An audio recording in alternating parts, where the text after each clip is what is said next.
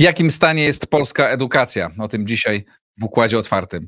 Zanim zacznę rozmowę, przypominam Państwu, że moja książka, którą możecie kupić na przykład w prezencie świątecznym, jest dostępna w księgarni, e, do której link znajdziecie pod nagraniem. Każdy z Państwa, kto kupi książkę Siła Polski, o tym, jaka może być Polska za 20 lat, e, dostanie ją razem z moim podpisem. E, bardzo dziękuję wszystkim patronom. Kto z Państwa chciałby dołączyć do tego grona, serdecznie zapraszam.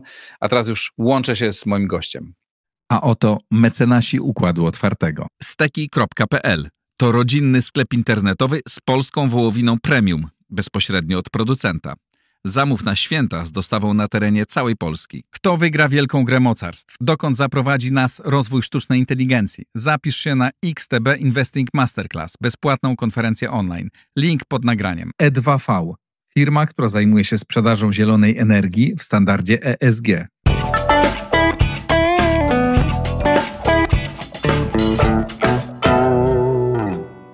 Marcin Kędzierski, Uniwersytet Ekonomiczny w Krakowie, ekspert Klubu Jagiellońskiego. Dzień dobry. Dzień dobry.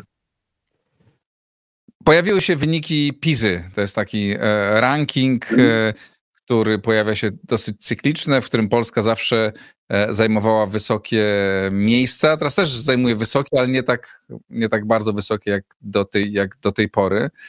Opowiedz może o tym samym rankingu i co te wyniki nam mówią o, o rzeczywistości. Przede wszystkim to może nie jest tyle ranking, co badanie międzynarodowe, badanie porównawcze prowadzone na grupie kilkudziesięciu państw świata, czyli państw OECD oraz państw, które do OECD nie należą, ale zostały do tego badania wciągnięte. To badanie jest prowadzone co trzy lata od roku 2000 i ostatnie badanie mieliśmy w roku 2018. Kolejne miało być przeprowadzone w 2021, ale z powodu pandemii zostało opóźnione o e, dwa lata i to badanie w polskich szkołach było przeprowadzane w marcu i kwietniu 2022 roku, czyli już e, prawie dwa lata temu, więc ten stan E, opisuje nam rzeczywistość sprzed prawie dwóch lat. No i to, co e, te badania nam pokazują, to e, w zasadzie wróciliśmy do poziomów, które notowaliśmy na początku XXI wieku, czyli zaraz po wprowadzeniu reformy gimnazjalnej. Ja przypomnę, że w, tych, w tym badaniu mamy trzy testy dotyczące umiejętności czytania ze zrozumieniem, kompetencji matematycznych i kompetencji przyrodniczych. I w tych wszystkich trzech kategoriach Polska, polscy uczniowie uzyskiwali przeciętnie powyżej 500 punktów i to sytuowało ich tak naprawdę w pierwszej dziesiątce globalnie. Jeżeli odejmiemy takie e, wyjątki jak, jak Singapur, Makao czy Hongkong, to są dość specyficzne przypadki, więc jak popatrzymy na państwa, to faktycznie mieściliśmy się w pierwszej dziesiątce globalnie, a w Europie e, no to była taka pierwsza trójka, czwórka obok Finlandii, Estonii, i Holandii. I w tym roku mamy do czynienia z pewnym tąpnięciem, bo te wyniki spadły poniżej 500 punktów i w przypadku matematyki i czytania zrozumienia to jest 489, w przypadku nauk przyrodniczych 498 i ta sama liczba nie jest może aż tak istotna, co fakt, że ta średnia wyników z matematyki, bo to był jakby wiodący obszar tegorocznego badania PISA, spadły aż o 27 punktów i jest to jeden z największych spadków wśród wszystkich państw OECD, no i to niewątpliwie y, może budzić y, zastanowienie, czy w jakimś sensie pewną, pewną obawę, co się dzieje z polską szkołą. To o tym, co się dzieje z polską szkołą, za chwilę porozmawiamy, ale pytanie jest takie, czy w ogóle te wyniki na ile one oddawały rzeczywistość? To znaczy, rozumiem, że oddawały w tym sensie, że badane dzieci rzeczywiście dobrze wypełniały te testy w Polsce, ale słyszałem, spotykałem się z takimi głosami, które mówiły, tak naprawdę no to były wybrane szkoły, wybrani uczniowie, e, którzy byli przygotowani specjalnie do tych testów, do tego, żeby je dobrze wypełnić, żeby osiągnąć wyniki, żeby szkoły w rankingach tutaj krajowych wysoko wyskakiwały, żeby dyrektorzy mogli się tym chwalić, a nie oddawało to rzeczywistości, czyli tego, jak przeciętny polski uczeń jest uczony. Na ile te zarzuty są prawdziwe? Ja będę bronił tego badania, dlatego że to badanie jest w sposób bardzo rzetelny przygotowany i przeprowadzone w bardzo wielu państwach świata. E, I ono nie pokazuje nam tylko wyników z tych trzech przedmiotów czy trzech zakresów, ale też bada na przykład tego, jak uczniowie się czują, ile czasu spędzają e, na edukację, jak jest, jak, czy mamy problem przemocy w szkole i wiele, wiele innych rzeczy te badania e, sprawdzają. Natomiast faktycznie mógł się pojawić pewien problem dotyczący takiego, powiedziałbym nawet oddolnego y, podkręcania tych wyników i tutaj możemy zwrócić uwagę na trzy elementy. Y, po pierwsze, y, faktycznie jest tak, że te testy w badaniu PISA bardzo przypominają polskie egzaminy. No wcześniej egzamin gimnazjalny, dzisiaj egzamin ósmoklasisty, więc w jakimś sensie uczniowie przygotowując się do zdania tego testu, jednocześnie przygotowywali się do zdawania testu PISA. Nie, ta, nie, nie jest tak w każdym kraju, więc w jakimś sensie myśmy dopasowali nasz system edukacyjny do badań PISA, po to, żeby trochę no, te wyniki podkręcić. E, po drugie, te badania do, do tej pory, do roku 2018, były przeprowadzane w gimnazjach, no i praktyka była taka, że czasem dyrektorzy szkół na przykład prosili tych nieco słabszych uczniów, żeby w danym dniu do szkoły nie przychodzili, żeby to badanie ich nie objęło. I w tym roku tak się już e, nie dało zrobić z tej prostej przyczyny, że ze względu na reformę edukacyjną e, to badanie nie było prowadzone w gimnazjach, ale było prowadzone w pierwszej klasie liceum, technikum oraz szkół branżowych, czyli dawnych zawodówek. No i e, tak jak można jeszcze w liceum prosić tych słabszych uczniów o to, żeby w tym dniu do szkoły nie przyszli, natomiast do szkołach zawodowych ten poziom jest o wiele niższy i tam gdybyśmy poprosili tych słabszych uczniów o nie przyjście do szkoły w danym dniu, to nie miałby kto tego testu napisać. I e, to już tak naprawdę przełożyło się na, na wyniki, ponieważ jak porównamy sobie odsetek uczniów uzyskujących najsłabsze wyniki w tym teście, czyli poniżej poziomu drugiego, no to do tej pory to było około 15% populacji, natomiast no, w tegorocznym badaniu, czy tym, które się ukazało e, we wtorek, e, ten wskaźnik wynosi ponad 20%. Tak? I to jest wyraźny, że jeden z największych wśród państw OECD i to w jakimś sensie może się okazać, że po prostu to, co udawało się wcześniej nieco podkręcić, w tym roku to nie było, nie było możliwe. E, no i wreszcie no, trzecie, trzecia kwestia, która no, niewątpliwie odgrywała rolę, to była kwestia pandemii. No i tego, że my już wiemy, że z innych badań, że nawet do 20% uczniów nam zniknęło w czasie pandemii. No i wiemy, że w wielu przypadkach to się stało w takim wieku, w którym nie da się już tego straconego czasu nadrobić. No i trochę widzimy efekty e, tego, co się wydarzyło, no też tego, że Polska za, e, wprowadziła jeden z najdłuższych lockdownów e, i zamknięć szkół, ponieważ inne obszary gospodarki i życia społecznego funkcjonowały, a akurat w Polsce te szkoły były dość szybko zamykane i dość długo były zamknięte. No i dzisiaj też mm, obserwujemy efekty tego, tego zjawiska. No tak, ale te wyniki i tak one nie są złe. One są gorsze niż były, ale i tak e, wygląda, że z nich taki obraz może powstać, że ta polska edukacja, e, pomimo narzekań powszechnych, wcale nie jest taka, e, wcale nie jest taka zła.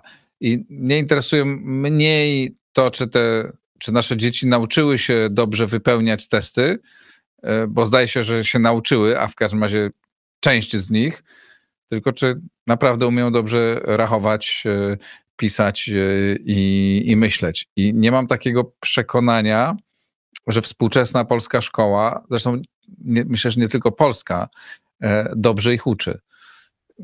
Co ty na ten temat? To jest trudne pytanie, bo tutaj trzeba było sobie zadać pytanie, jaki jest cel szkoły. No, nim do tego pytania przejdę, zwrócę uwagę na fakt, że e, badanie PISA bada też inne kwestie, o których wspominałem i na przykład w roku 2018 badało też zdolność uczniów do rozwiązywania zadań problemowych i tutaj polscy uczniowie wypadli zdecydowanie gorzej. Więc jeżeli weźmiemy pod uwagę, że szkoła powinna uczyć także radzenia sobie z problemami, no to tutaj niestety polska edukacja wypada zdecydowanie bardziej blado na tle e, innych państw. Natomiast ostatecznie e, kluczowe jest pytanie dotyczące tego, czego my oczekujemy od szkoły. Jak mówimy o polityce edukacyjnej, to jest tak jak każda polityka, ona ma pewne wartości.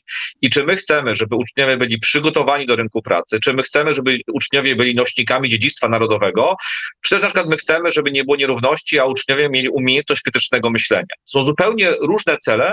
No i do tej pory Polska polska szkoła w dużej mierze przez ostatnie 30 lat bazowała na tych dwóch celach, czyli przygotowanie do rynku pracy oraz bycie nośnikiem dziedzictwa. I to w zależności od tego, która partia była u władzy, jeden lub drugi e, paradygmat czy model e, był dominujący, ale one się wzajemnie wymieniały. No i w tym sensie e, faktycznie polscy uczniowie są dobrze przygotowani do pracy e, takiej, no dość prostej pracy korporacyjnej. To zresztą widać i to, że e, międzynarodowe korporacje dzisiaj lokują swoje inwestycje, na przykład w branży BPO w największych polskich miastach, jest w jakimś sensie potwierdzeniem tej tezy, że polscy absolwenci, polscy uczniowie są dobrze przygotowani do tego rodzaju zadań, no ale to nie są zadania wymagające jakby bardzo skomplikowanego myślenia, tak? czy, czy, czy właśnie umiejętności rozwiązywania zadań problemowych. Natomiast jeżeli stwierdzimy, że chcemy, aby polscy uczniowie byli bardziej innowacyjni, może nie, bardziej przedsiębiorczy, bardziej samodzielni w swoim myśleniu, no to wtedy ten system edukacyjny nam się po prostu y, nie sprawdza, no bo on w założeniu de facto tego nie ma robić, ponieważ jest nastawiony raczej na odtwórcze myślenie, umiejętność rozwiązywania dość prostych, schematycznych y, zadań i w tym faktycznie polscy uczniowie się dość dobrze wyspecjalizowali. No i tu dotykamy sedna problemu, znaczy tego, o czym chciałem porozmawiać, tak? Znaczy, bo mnie się wydaje, że właśnie to, o czym teraz mówisz, w czym, czego polska szkoła nie uczy, jest w dzisiejszych czasach absolutnie kluczowe. Tak? Jeżeli chcemy, żeby Polska się rozwinęła i pokonała następne, e, następne piętra, przeskoczyła następne piętra i wyszły, wyszła na, e, weszła na wyższy poziom, e, to wydaje mi się, że jakby te umiejętności są absolutnie kluczowe. E, I e, jak piszę w swojej książce, którą Państwu przy okazji jeszcze raz polecam, Niezły prezent na święta, to, mm, to właśnie, żeby wejść, żeby doskoczyć do tej absolutnej topowej pierwszej ligi, no to musimy być bardziej innowacyjni, musimy umieć rozwiązywać e, problemy, być, musimy być przedsiębiorczy, jeszcze bardziej niż jesteśmy, chociaż uważam, jakby ten poziom przedsiębiorczości w Polsce i tak nie jest, e, nie jest wcale zły, mam takiego ducha przedsiębiorczego, no ale mówimy teraz o tym, że mamy wskoczyć na te najwyższe, na te najwyższe stopnie, na najwyższe piętra. I tutaj jest to konieczne. E, I zwłaszcza w, w szkole, wręcz w świecie, w którym tak wszystko się gwałtownie zmienia. Znaczy, nie wiem, czy się z tym zgodzisz, ale uważam, że no, w dzisiejszej szkole większość rzeczy, które, uczą się dzieci, jest im niekoniecznie potrzebna. Tak? Znaczy, że oni wszystkim muszą sobie poradzić z muszą umieć radzić sobie z rzeczywistością, która za rok, dwa, trzy, pięć będzie inna niż jest dzisiaj. Przed kilkoma laty wspólnie z zespołem profesora Hausera pisaliśmy taki raport o wizji polityki edukacyjnej przyszłości i tak naprawdę kluczową kompetencją, którą powinna uczyć szkoła, to jest umiejętność uczenia się i dostosowywania się do zmian, ponieważ my nie jesteśmy w stanie w ogóle przewidzieć, jakie będą te kompetencje przyszłości. Czyli tą kluczową kompetencją jest umiejętność uczenia się. No i trzeba bardzo wyraźnie powiedzieć, że polska szkoła nie uczy uczniów, jak się uczyć. I to jest jakby ogromny, ogromny problem. Natomiast jeżeli popatrzymy na problemy, które trawią polską szkołę, to ja bym wskazał jeszcze na inne zjawisko, z którym my się dzisiaj musimy mierzyć, no bo słyszymy z różnych źródeł, że mamy zapaść psychiatrii dziecięcej i też mamy ogromne zapotrzebowanie na korzystanie z usług e, psychologów, psychiatrów dziecięcych, co wynika między innymi z ogromnego obciążenia, jakim dzisiaj są poddawani e, młodzi ludzie w Polsce. Jeżeli popatrzymy na te dane porównawczo, no to polscy uczniowie spędzają na naukę E, no prawie najwięcej godzin wśród państw OECD e, i e, no, nie jesteśmy w stanie już od nich, wie, więcej wycisnąć, no bo jeżeli osoba pracuje 40 godzin na etacie, no to taki uczeń spędza w szkole nierzadko 40 godzin, a po, po, po tych zajęciach musi jeszcze odrobić zadania domowe, stąd też ten, ten pomysł likwidacji zadań domowych był tak nośny, e, bo uczniowie są nimi faktycznie przeładowani, a do tego jeszcze zachodzą zajęcia pozalekcyjne, no bo część uczniów chce swoje pasje rozwijać, skoro nie może tego robić w szkole i wtedy to oznacza, że taki uczeń musi pracować po 12 godzin i e, okej, okay, on może poradzić sobie z egzaminami, on może mieć świetne wyniki, tylko że w wieku 20-20 kilku lat będzie absolutnie wypalonym pracownikiem, a my jednak musimy myśleć o edukacji w takim, no, no to, jest, to, jest, to jest maraton, to nie jest sprint. Więc, więc wydaje mi się, że, że to jest niezwykle ważne. Zanim zaczniemy myśleć o tym, jak ta szkoła ma być bardziej innowacyjna i, i właśnie kreatywna, no to zadbajmy, czy pomyślmy o ten dobrostan uczniów, żeby oni w ogóle byli w stanie skorzystać z tej oferty. Natomiast skoro już mówimy o tych e, innowacyjnych metodach kształcenia, no to tutaj główny problem leży wśród nauczycieli. No, ja nie chcę e, jakoś nauczycieli e, oskarżać, tak, czy uprawiać pewnego blame game, czy takiej zabawy w czarnego Piotrusia, no ale jednak mamy spory problem z całym systemem kształcenia nauczycieli. Za to odpowiadają głównie uczelnie pedagogiczne. Ten model, już kilkukrotnie były podejmowane próby, żeby ten model zmienić. To się niestety nie udaje ze względu na jakiś opór środowiska akademickiego. No i dzisiaj my mamy bardzo wiele różnych innowacyjnych technik edukacyjnych, o których studenci uczą się na y, studiach, ale uczą się tylko o nich słysząc. No więc jeżeli ktoś słyszy o tym, że są jakieś alternatywne metody kształcenia, a jednocześnie nie ma y, wprowadzanej tej wiedzy w sposób warsztatowy, no to on nie jest w stanie tej metody później poprowadzić w szkole i tak naprawdę polska szkoła dalej stosuje przede wszystkim model taki wykładowy, model transmisyjny, gdzie nauczyciel przekazuje wiedzę, co dzisiaj jest kompletnie abstrakcyjne, ponieważ uczeń tę wiedzę ma w smartfonie i oczekuje od swojego nauczyciela kompletnie innych e, umiejętności, kompletnie innych kompetencji, co także powoduje dalszy spadek e, zaufania czy statusu społecznego nauczycieli, no bo tak naprawdę oni dzisiaj wykonują pracę, e, która jest niepotrzebna, ale też często nie potrafią inaczej, chociaż na szczęście pojawiają się różne alternatywy, tak jak na przykład budząca się szkoła, e, która pokazuje, że jeżeli nauczyciele chcą, są zmotywowani, no to mogą wprowadzać takie alternatywy, no ale niestety dzisiaj system finansowania zapisany w karcie nauczyciela w żaden sposób ich do takich e, innowacji nie zachęca. Tak, no. Dzisiaj uczniowie są, jakby wtłaczana jest im wiedza, która prawdopodobnie e, za, w bardzo krótkim czasie staje się nieaktualna, tak, albo niepotrzebna, bo po pierwsze, tak jak powiedziałeś, ta wiedza jest, te fakty e, są dostępne w każdym smartfonie, w laptopie i łatwo je znaleźć, natomiast nie uczymy dzieci myśleć, tak, i rozwiązywać, rozwiązywać problem, podchodzić do tego twórczo.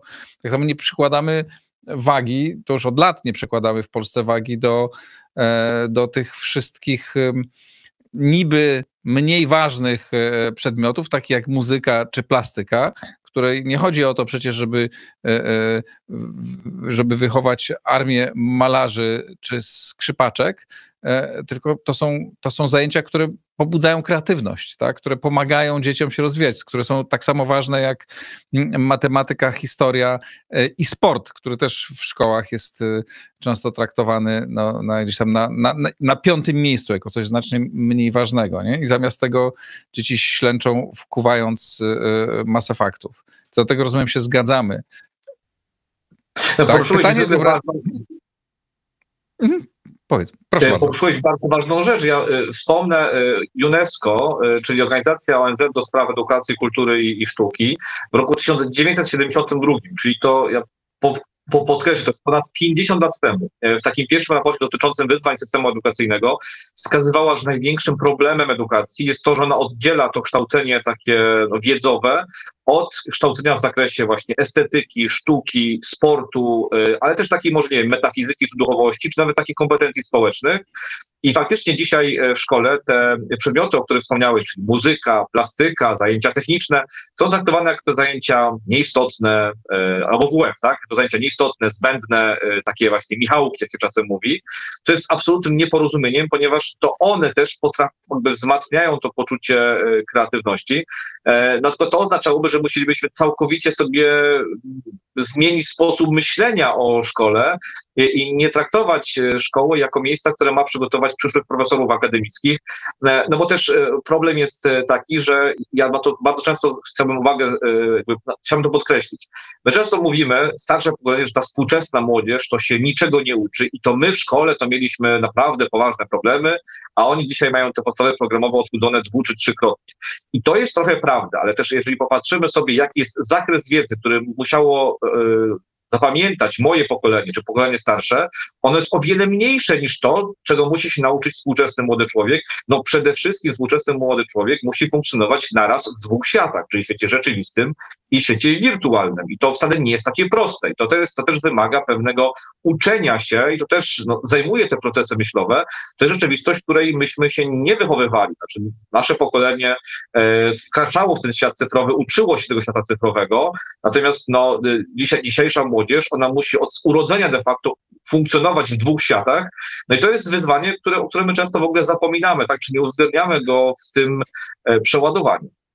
No i jeszcze nie uczymy e, dzieci, e, młodzieży, bo sami nie umiemy krytycznego myślenia, znaczy od radzenia sobie z manipulacją, którą którą mamy do czynienia jak nigdy w historii. Znaczy, jesteśmy wszyscy bombardowani nie tylko propagandą TVP czy TVN-u, e, ale dzieci są bombardowane tysiącami, setkami tysięcy wpisów na Facebooku czy w różnych innych mediach społecznościowych, których duża część jest po prostu nieprawdziwa. No i te biedne dzieci sobie nie umieją, nie umieją sobie oddzielić tego, tak? To dorośli często sobie z tym nie radzą, ale to nie jest tak, że z tym sobie nie można poradzić, bo są na to sposoby. To w Finlandii wprowadzono rozmaite takie zajęcia, w których uczy się dzieci, jak weryfikować wiadomości, tak? jak, jak je konsumować. To jest trudne, ale to jest, y, ale to jest do zrobienia. Z tego wszystkiego wyłania się... Mhm. Proszę To, to jest prawda, o czym mówisz, to znaczy ta umiejętność krytycznego myślenia czy weryfikowania tekstów to jest rzecz absolutnie fundamentalna. Nawet w piątek sami studenci prosili nas, wykładowców, o takie dodatkowe zajęcia, w których my opowiemy im o tym, w jaki sposób w ogóle to robić, bo oni zdają sobie sprawę, że dzisiaj problemem nie jest brak informacji, tylko problemem jest nadmiar informacji, jak tę informację w jakimś sensie selekcjonować. I to jest w ogóle bardzo duże wyzwanie i cieszę mnie, że powiedziałeś w tym przykładzie Finlandii, bo e, w Polsce każdy, który mówi edukacji, mówi dobrze, gdybyśmy mieli szkołę jak Finlandia. Myślę, że i e, Adrian Zandberg i Przemysław Czarnek by się powołali na Finlandię, tylko że to, co jest specyfiką systemu fińskiego, o czym my często zapominamy, jest to, że ten system jest on ewoluuje, on był zupełnie inny 30 lat temu, zupełnie inny jest dzisiaj. I oczywiście to, co jest jego wyróżnikiem, to jest duża autonomia nauczycieli, bo też nauczyciele tam bardzo mają bardzo wysoki status i bardzo dobrze zarabiają, ale współcześnie Finowie, no właśnie odchodzą trochę od takiego sztywnego myślenia. Stąd też w badaniu PISA oni wypadają nieco gorzej, tak? Iż ktoś by mógł powiedzieć, no ten system fiński się skończył. Ale to nie jest do końca prawda, dlatego że Finowie uznali, że właśnie potrzebne są nieco inne kompetencje niż choćby takie proste kompetencje matematyczne, więc poświęcają im nieco mniej uwagi po to, żeby ten czas poświęcić choćby na umiejętność krytycznego myślenia i możliwe, że w długiej perspektywie, no to to ich podejście, które dzisiaj jest krytykowane, które wypada gorzej w tych badaniach PISA, e, jest tak naprawdę optymalnym, tak? Czy jest o wiele bardziej efektywnym, odpowiadającym na wyzwania współczesności. Bo no, tak naprawdę, no, co z tego, że dzieci wypełnią dobrze testy, tak? Znaczy od tego nie założą lepszej firmy w przyszłości, czy nie będą lepszymi pracownikami. Owszem, przez moment będą mogły się pochwalić, e, że dostały lepszą ocenę, czy że ich szkoła została lepiej oceniona, czy że nasz kraj został lepiej, e, wypadł lepiej w, w rankingu. E, natomiast to nie, zmieni, to nie zmieni ich życia, to nie zmieni życia naszego kraju. Zmieni to, jeśli one będą umiały rozwiązywać problemy i będą sobie dobrze radzić w życiu. No to porozmawiajmy teraz o tym, jakby co należy zrobić, bo to nie jest tak, jest bardzo się zawsze burzę, ktoś mówi, że tego nie da, czegoś nie da się zrobić. Tak? Przez 30 lat zrobiliśmy bardzo dużo w Polsce i uważam, że przez następne 30 lat możemy zrobić równie dużo, chociażby w edukacji. E, I to jest do zrobienia, zmienia się pokolenie, mm, e, e, przychodzą twoi studenci, tak, już myślą inaczej. Ja też wiem, jak w szkole przywództwa pracuję z, mm, z 30-latkami obecnymi. Przy okazji polecam szkołę przywództwa chwila reklamy, właśnie prowadzimy rekrutację, ona się już kończy. Ostatnie dni, zapraszam serdecznie.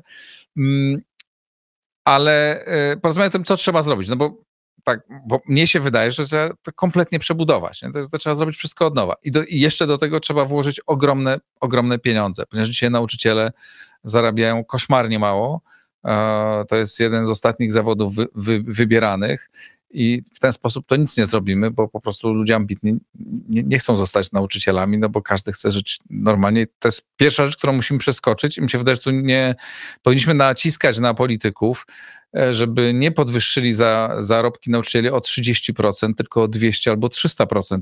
Oczywiście nie za jednym zamachem, wiem, że się tego nie da i nie chodzi o proste podwyższenie, tylko to zmienię, zmianę całego systemu, ale wtedy będziemy mieć porządną edukację i, i nie stać nas na to, żeby tego nie zrobić.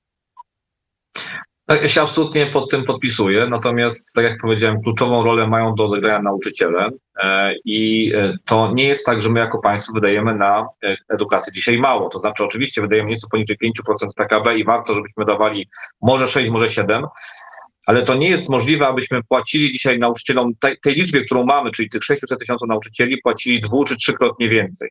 Natomiast jednocześnie, jeżeli popatrzymy sobie na e, obciążenie, czyli ilu uczniów przypada przeciętnie w Polsce na jednego nauczyciela, to jest około 9. I ta statystyka jest całkiem niezła, to znaczy w innych państwach europejskich to jest 11, 12, 13 to pokazuje, że my tych nauczycieli wykorzystujemy po prostu w nieefektywny sposób. Jeżeli odejdziemy od modelu klasowo-lekcyjnego i to jest moja propozycja. Stworzymy tak naprawdę pewne grupy warsztatowe, 8-10 osobowe, seminaryjne, niekoniecznie ludzi w tym samym wieku, gdzie mamy jednego nauczyciela, który nie przekazuje im wiedzy, ale jest mentorem, który pomaga im się uczyć w sposób taki wielodyscyplinarny, no to możemy ten potencjał nauczycielski lepiej wykorzystać i wtedy tych nauczycieli nie będziemy potrzebowali 600 tysięcy, tylko 350-400 tysięcy. Zresztą to i tak się wydarzy, to znaczy my patrząc na średnią wieku nauczycieli dzisiaj w Polsce, to jest, ona dobija do 50 i do 2030 roku tych nauczycieli zabraknie 150-180 tysięcy i to oznacza, że te problemy, które się dzisiaj już pojawiają w wielu szkołach, że nie ma nauczycieli matematyki, fizyki, nie ma psychologów, że one będą tak naprawdę problemami powszechnymi. Więc trzeba zastanowić się, co zrobić, żeby ci nauczyciele, którzy zostaną w systemie, e, pracowali w zupełnie inny sposób, ale wtedy, jeżeli będzie ich mniej, przy użyciu podobnej wielkości nakładów publicznych będziemy w stanie im płacić choćby dwukrotnie e, więcej. No, ale to wymaga e, tak naprawdę radykalnej zmiany sposobu przygotowania nauczycieli, no bo zupełnie inaczej pracuje się w klasie, gdzie prowadzi się wykład, a inaczej się y, prowadzi zajęcia w formule seminaryjnej, będąc mentorem. To są zupełnie inne kompetencje. Więc to, od czego powinniśmy zdecydowanie zacząć, to od, po pierwsze od wybrania dzisiaj w systemie tych nauczycieli, którzy już mają kompetencje do bycia mentorem, którzy już na własną rękę często się w tym celu przeszkolili. E, zaproponujmy im zdecydowanie lepsze wynagrodzenie, w ten sposób zachęcając resztę nauczycieli do tego, żeby także zmienili swój sposób kształcenia. Jeżeli ktoś nie chce trudno, no to dojdzie do emerytury w tym modelu, y, tym takim starym, tradycyjnym. Natomiast no, radykalnie zmieńmy sposób kształcenia młodych nauczycieli, po to, żeby oni już przygotowywali się do nowego modelu i w ten sposób taką zmianę da się przygotować w 10-15 lat. No, w edukacji nic nie dzieje się z roku na rok, tak? Ta zmiana musi mieć charakter ewolucyjny. No tylko kiedy ja pisałem propozycję tej reformy, to był rok 2019 i mam poczucie, że zmarnowaliśmy już prawie 5 lat, tak? I, i to jest czas, którego niestety już nie, nie odzyskamy. Mm, ale to, o, o co musimy na pewno zadbać, to jest to, że ten system dzisiaj się y, zmienia oddolnie, to znaczy rodzice głosują nogami swoich dzieci i przesuwają je do tych, których stać, do szkół społecznych, szkół prywatnych, do edukacji domowej. No ale niestety to nie jest oferta dla wszystkich, bo nie wszyscy sobie na coś takiego mogą pozwolić i dzisiaj dramatycznie w Polsce rosną nierówności edukacyjne. A ja bym chciał powiedzieć, że tak naprawdę prosperity państwa w długim okresie to nie jest tylko to, czy będziemy mieli talenty, tylko czy średnia wykształcenia, społecze, y, wykształcenia społeczeństwa będzie odpowiednio wysoka. Jeżeli my zapomnimy o tych 20-30%, no to niestety Polska nie będzie się dobrze rozwijała, bo my potrzebujemy mieć y, ten kapitał ludzki dobrze przygotowany, tym bardziej, no, że niestety mamy dzisiaj kryzys demograficzny, więc skoro nie można zadbać o liczbę pracowników, no to trzeba zatroszczyć się o ich jakość i to nie jakość 20%, tylko jakość wszystkich tych, których mamy do dyspozycji.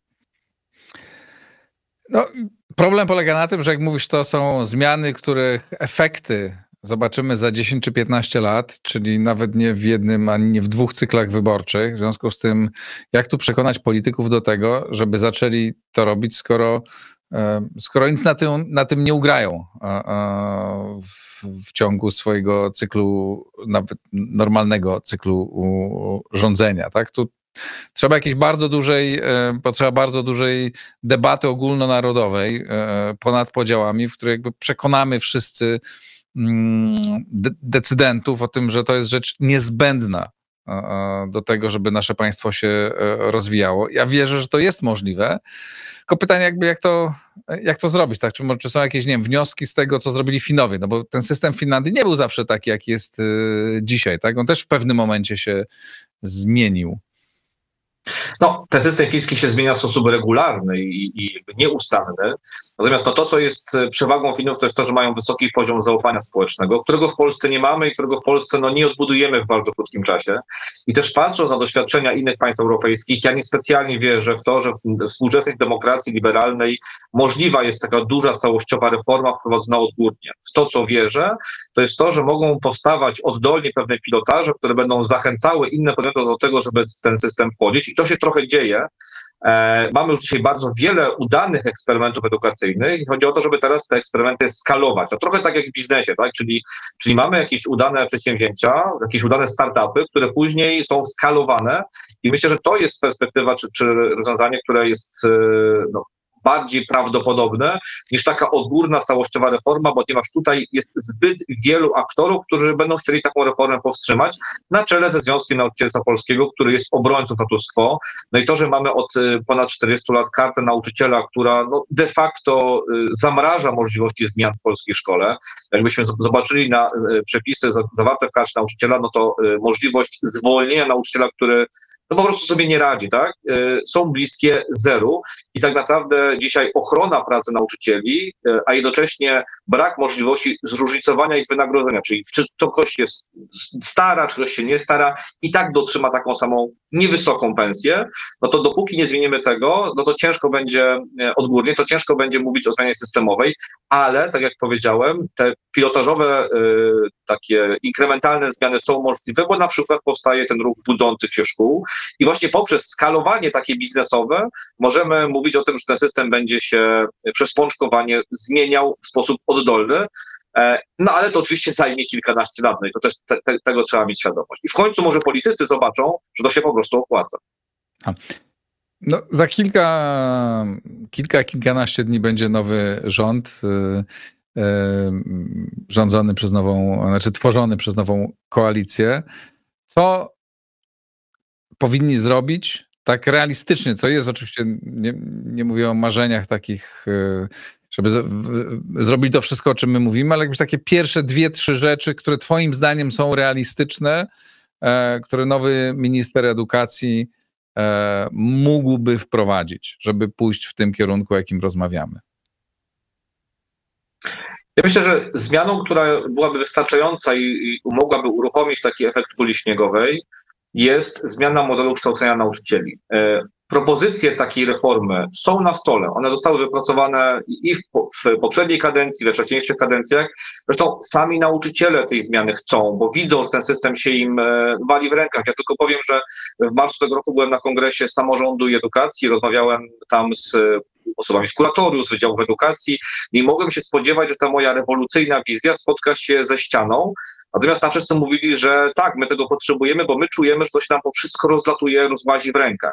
I że nie da się dalej rozmawiać tylko o subwencji oświatowej, ponieważ to jest pudrowanie, pudrowanie trupa. Więc myślę, że przekonanie do tego, że zmiana jest potrzebna, jest e, w systemie i dzisiaj nie blokują jej tak naprawdę nauczyciele, no może Związek Nauczycielstwa Polskiego, ale tacy szeregowi nauczyciele jej nie blokują, ale blokuje ją moja ulubiona uczelnia, czy moje ulubione środowisko, czyli uniwersytet. Tak? Myślę, że akademia jest najbardziej wstecznym e, instytucją w, w Polsce, e, więc e, trzeba w jakimś sensie nakłonić, czy zmusić uczelnie, w tym uczelnie pedagogiczne, do wprowadzenia nowego modelu kształcenia nauczycieli, takiego modelu, który będzie oparty o y, właśnie bardziej praktykę niż teorię, na przykład w formie y, takiego kształcenia work-based learning, tak, że taki student pedagogiki przygotowujący się do bycia nauczycielem musi połowę tego czasu spędzić w szkole i samemu tak naprawdę wziąć udział w tych wszystkich alternatywnych metodach kształcenia po to, żeby on nie tylko o nich słyszał, ale także umiał je E, prowadzić. I to jest zmiana, która moim zdaniem jest absolutnie możliwa,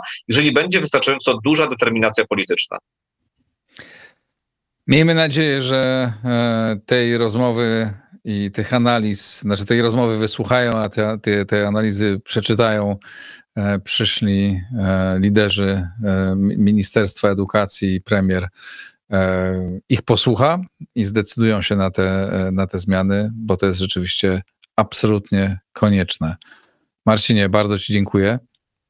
Marcin dziękuję. Kędzierski e, z Uniwersytetu Ekonomicznego w Krakowie, ekspert klubu Jagiellońskiego. E, to wszystko na dzisiaj. Przypominam Państwu ostatnie dni, w których można aplikować do szkoły przywództwa, w której uczymy w zupełnie inny sposób. E, o czym świadczą wszystkie relacje wszystkich słuchaczy. Serdecznie zapraszam, wejdźcie na szkolaprzywództwa.pl. Dzięki serdeczne, to wszystko na dzisiaj. Do widzenia.